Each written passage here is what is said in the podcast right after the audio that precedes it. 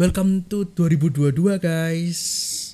Semoga aku percaya dan berdoa berkat dari Yesus Kristus menyertai kalian pewahyuan yang baru, sukacita yang baru, tujuan yang baru, visi yang baru. Oke? 2022 harus semangat dong. Ini di hari tanggal pertama bulan pertama asik. Kita harus semangat. Kita siap dengerin firman? Oke, let's go.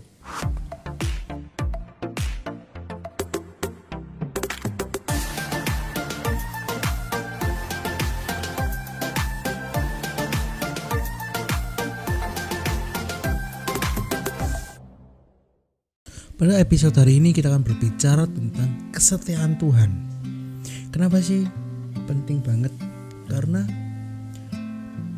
di awal tahun ini penting banget kita ngerti salah satu karakter Tuhan di mana Tuhan itu adalah orang yang paling setia. Karena ketika kita merasa Tuhan itu tidak setia, jangan-jangan kita yang tidak mau untuk mengikuti dia sehingga kita nggak bisa ngerasain kesetiaannya ya ibaratnya kalau misalnya kita menganggap seorang itu yang buruk ya kita selama lamanya anggap dia itu buruk. Walaupun dia berbuat baik sama Tuhan juga begitu. Tapi Tuhan itu adalah Allah yang setia. Walaupun kita tidak setia dia tetap setia. Dia tetap dia seperti orang yang disakiti tapi dia tetap berbuat baik. Gitu. Dia adalah pribadi yang meskipun kita sakit terus dengan kita berbuat dosa kita mungkin kita menjelek-jelekan Tuhan. Setelah itu saya banyak orang seperti itu berkata mungkin Tuhan yang gagal Tuhan gagal. Tuhan kenapa harus begini harus begitu? Dia tetap setia sabar karena dia sudah tahu rencananya. Kenapa Tuhan begitu sabar? Karena Tuhan sayang bersama kita dan dia sudah tahu sebenarnya. Habis ini itu kamu bahagia nah kamu terus berjalan. Kayak gitu. Dia itu setia menuntun kita. Dia setia di sisi kita 2 Timotius 2 ayat 13 Jika kita tidak setia, dia tetap setia karena dia tidak dapat menyangkal dirinya. Tuhan itu tetap setia sekalipun kita orang yang paling berdosa. Tuhan setia sekalipun kita mungkin kehilangan pekerjaan di 2020 Tuhan tetap setia Tuhan tetap ada. Sekalipun kita tidak anggap Tuhan kita anggap bahwa Tuhan itu cuma abstrak cuma apa khayalan. Tapi Tuhan tetap setia memberkati kalian. Tuhan setia tetap melanjutkan rencananya. Sebenarnya ya, kalau aku pribadi dulu ketika aku tuh pernah kok bahasa Jawa itu batin? Apa ya? Kayak ya batin. Kalian tahu lah ya batin kayak kepikiran aja dalam hati kayak aku ini kok disakiti yo aku udah berbuat baik yo kayak gitu. Aku aku sering banget sih kayak gitu dulu ya. Kayak aku udah berbuat baik berbuat baik kenapa dia kok responnya gini ya? Kayak gitu. Dulu kayak gitu.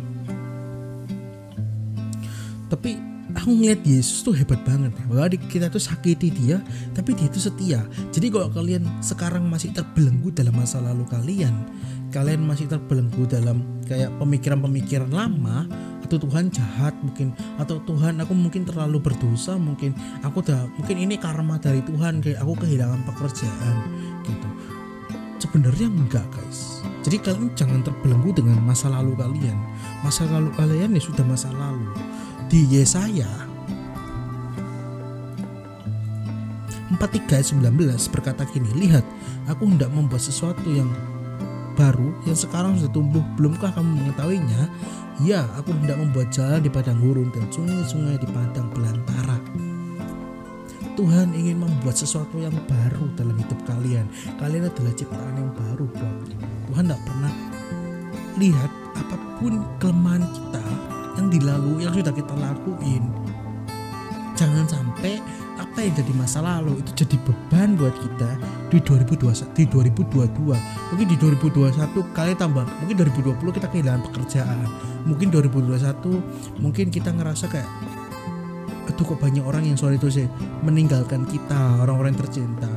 Tapi ingatlah 2022 itu gak akan ada hubungan dengan 2021 dan 2020 gitu. Kita harus punya iman seperti itu. Jangan cuma positive thinking tapi harus beriman. Ada bedanya kita nggak akan bahas di episode hari ini. Tapi ketika kita melangkah hal yang baru ya jangan pernah inget-inget yang sebelumnya karena Tuhan pengen buat satu jalan yang baru buat kalian. Tuhan akan genapi rencananya. Kalian sekarang sekarang on the way. Kalau kalian OTW kalian nggak akan pernah tahu tapi dia adalah Allah yang setia. Dia yang menyertai kita. Dia adalah Allah Immanuel. Di Allah yang berserta dengan kita. Kenapa aku bisa bilang gini? Ini di ayat 19 berkata dia sorry ya 19 berkata kayak gitu kan. Bahwa aku pengen membuat sesuatu tapi sebenarnya ada sesuatu yang Tuhan mau sebelum ini dinyatakan yaitu ayat yang ke-18 firmannya janganlah janganlah ingat-ingat hal yang dahulu dan janganlah perhatikan hal yang dari zaman purba kala. Mungkin kita ngerasa kayak perbekalan ini jauh banget. Tapi maksudnya yang aku dapat pun itu sebenarnya kayak kalau kita lihat dari beberapa beberapa yang translation lain itu berkata gini yang BIS ya bagus banget nih. Tuhan berkata tak ada gunanya mengingat masa lalu percuma mengenang yang sudah-sudah nggak perlu kita lihat masa lalu kecuali apa yang boleh itu Alkitab bolehkan untuk kita melihat masa lalu. Ada dua yang aku dapat kok. Kita boleh melihat masa lalu boleh. Yang pertama untuk pembelajaran yang kedua untuk melihat kebaikan Tuhan. Cuman dua itu yang boleh Tuhan izin yang Tuhan izinkan dalam hidup kita. Kayak gitu. Jangan sampai kita jadi pribadi yang terlalu ya masa lalu biarlah masa lalu. Iya benar tapi jangan lupa juga planning untuk ke depan bagaimana? Kayak gitu. Tuhan Allah yang setia iya. Tapi Tuhan juga mau menggenapi dalam hidupmu. Dia Allah yang mencukupi iya. Tapi Tuhan pengen genapi dalam hidupmu.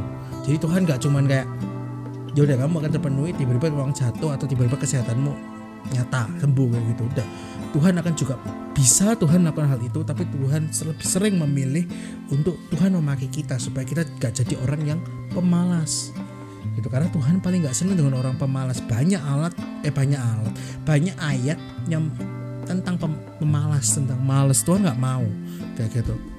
Jadi kita nggak perlu lihat apa yang aduh aku dulu pernah ngelakuin ini sih di 2020 aku dulu itu nolak pelayanan sih dulu. Nggak apa-apa kayak gitu. Tuhan aja nggak pernah nggak pernah marah tuh kalian pokok kalau Tuhan marah kalian sudah akan dihukum. Kalian akan diberikan penyakit penyakit kayak gitu enggak tapi Tuhan nggak marah nggak apa-apa ya wes kayak gitu. Kamu nggak mau nggak apa-apa. Kamu yang rugi kayak gitu aja Tuhan. Tapi Tuhan bahkan berarti juaji ya. Juaji itu apa ya? Kayak kayak uh, sombong atau apalah namanya ya kayak gitu. Enggak dia sangat sedih. Tapi it's okay Tuhan nggak marah kayak gitu. Mungkin kalian di 2020 mencoba rokok kayak gitu karena bosen atau mencoba narkoba mungkin.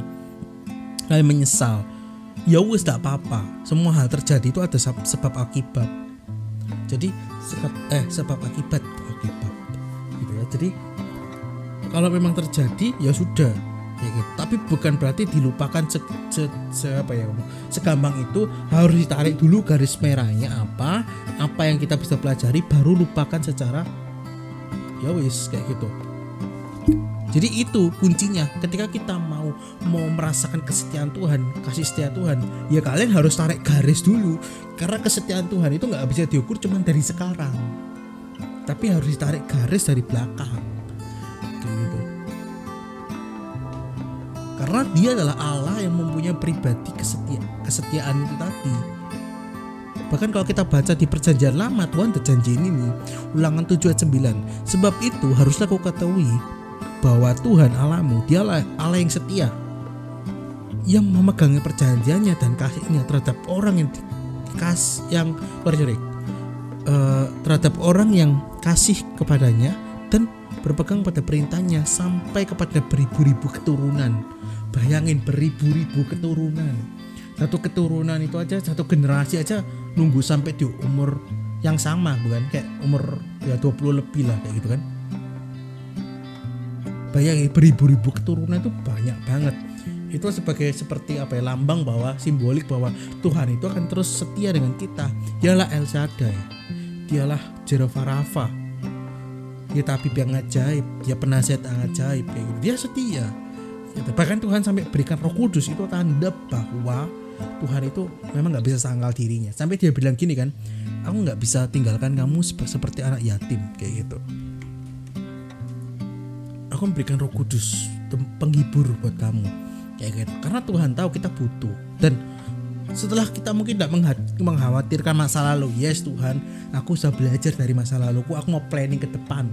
Di 2021 eh 2021 2022 sekarang di awal ini aku terus meng, meng apa ya meng, meng, meng, menggalangkan kepada kalian menghimbau terus punyalah visi baru punyalah tujuan hidup. Jangan mengalir kesetiaan Tuhan itu ada memang. Tuhan udah punya master plan buat kalian tapi kalian harus punya juga tujuan ke sana. Kayak gitu. Nggak bisa kita tinggal ngikutin arus. Kayak gitu. Arus itu bisa jadi arus baik atau arus buruk. Kalau ke, kok puji Tuhan kalau kebetulan sekali kalian pas gitu ya kalian mungkin uh, ngomongnya apa ya?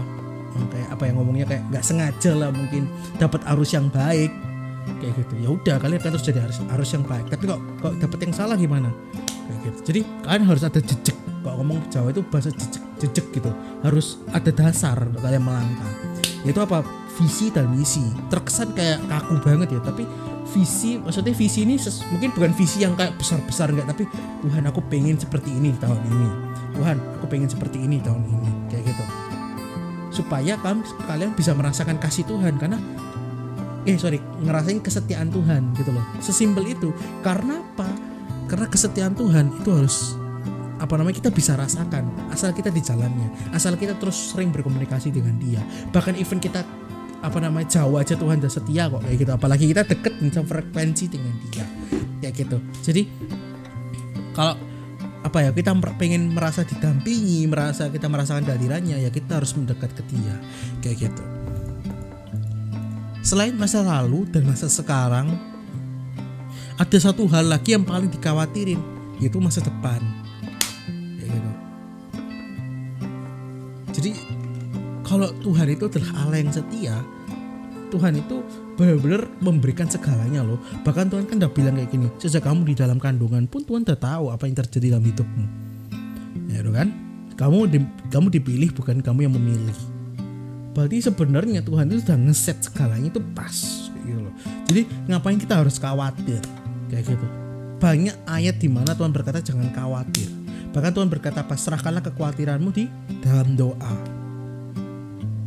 Ya udah serahkan itu artinya kecemasan kalian itu apa? Ceritalah ke dia dia yang paling tahu. Makanya aku bilang kok kalian mau ngerasain kesetiaan Tuhan ya? Kalian mendekat ya kok bayangin aja kok kalian mau dilatih sama pelatih? Ya bisa pelatihnya harus teriak-teriak itu udah bisa. Kalian harus deket dengan pelatihnya tuh diajarin kayak gimana sih. Misalnya kalian les lah ibaratnya kalian dituntun kalian belajar tuh apa ya misalnya les jahit atau les apa pun private lah. Gak mungkin jauh-jauhan harus deket harus ngomong harus ngobrol harus bangun relasi gitu supaya kita itu bisa peka dengan apa yang dia mau. Sesimpel kalau misalnya aja ya mama aku gitu. Dia tuh kayak mungkin apa yang ngomongnya ya? Kalau misalnya dia kayak ngetipin mata aku sudah ngerti kamu jangan ngomong kayak gitu. Ya apa cara tahu nih? Ya karena udah sering ketemu. Kayak gitu udah ngerasain gitu loh. Misalnya aduh gagal nih kayak gitu. Misalnya aku gagal oh gak apa-apa aku percaya Tuhan pasti beserta dengan aku Tuhan gak ngamuk sama aku kok Kenapa bisa kayak gitu? Kita kenapa kita bisa ngerasain Tuhan itu beserta dengan kita? Mau dia abstrak. Karena apa? Kita punya hubungan. Kayak gitu. Emang cinta bisa di, bisa dilihat, tidak bisa. Kasih bisa dilihat, tidak bisa. Tapi bisa dirasakan. Gitu. Jadi kesetiaan itu bukan sekedar dituntut Tuhan kau harus setia, tapi kita harus rasakan kesetiaannya. Seperti tiga kawan ini yang akan masuk perhatian, kalian tahu lah ya, kayak gitu seperti Sadrak, Mesak dan Abednego, dia kelihatannya biasa-biasa aja, pemuda-pemuda biasa aja. Tapi karena dia juga setia, dia bela kita belajar loh jadi setia juga ya. Mungkin besok atau beberapa episode berikutnya kita aku akan bahas tentang kita yang setia kepada Tuhan. Tapi hari ini kita bisa lihat ketika orang-orang ini setia, ketika dia itu dekat sama Tuhan, kita nggak nuntut dia kita sudah bisa rasakan gitu loh. Kenapa dia sangat berani? Karena dia tahu bahwa Tuhan beserta dengan dia. Jadi hal yang aku pengen tekankan bukan kita tuntut kesetiaan Tuhan, tapi kita yakini dia ada di sisi kita. kita yakini kita datang dalam nama Tuhan seperti Daud berkata bahwa aku datang dalam nama Tuhan kenapa dia berani ngomong gitu padahal dia hanya penggembala domba tapi karena apa karena dia merasakan sendiri kesetiaan Tuhan ya gitu penyertaannya gitu loh. Jadi Tuhan itu nggak langsung terang-terangan menunjukkan tapi kalau kita mau rasakan kita tahu rasanya. Seperti ibaratnya gini ada satu kisah di mana uh, banyak banget ya. Bukan kisah sih sebenarnya banyak banget.